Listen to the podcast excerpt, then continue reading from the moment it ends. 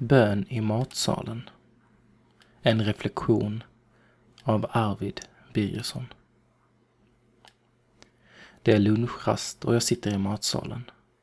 Runt omkring mig ser jag mina klasskompisar sitta utspridda i matsalen.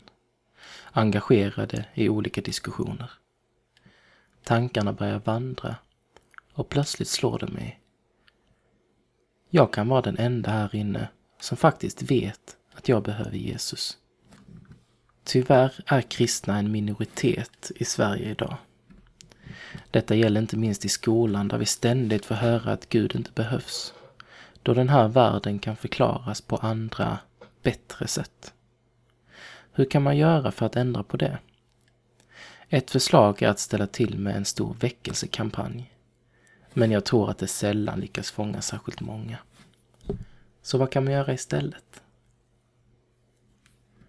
Personliga samtal. Jag tror att de små samtalen är väldigt viktiga.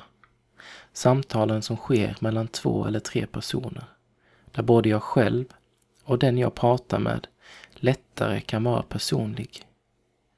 Tyvärr sker dessa sällan i skolmiljön. Men då och då gör de det. Och jag vill uppmana dig och mig själv att ta vara på de tillfällena när de väl kommer. Bön i toakön. Men inte heller i de små samtalen kan vi egentligen göra speciellt mycket.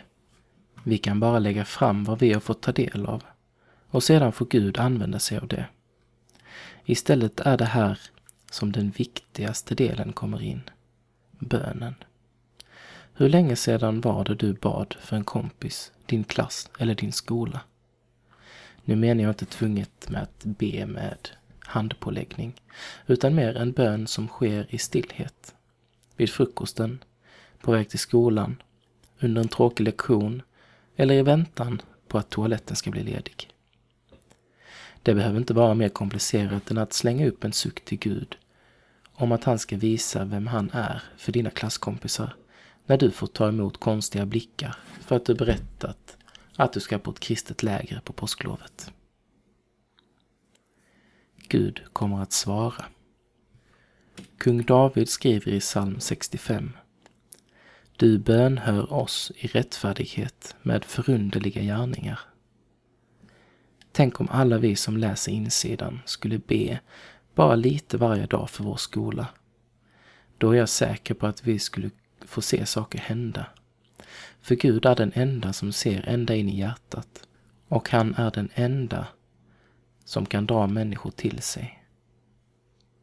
Maten är uppäten och snart börjar nästa lektion.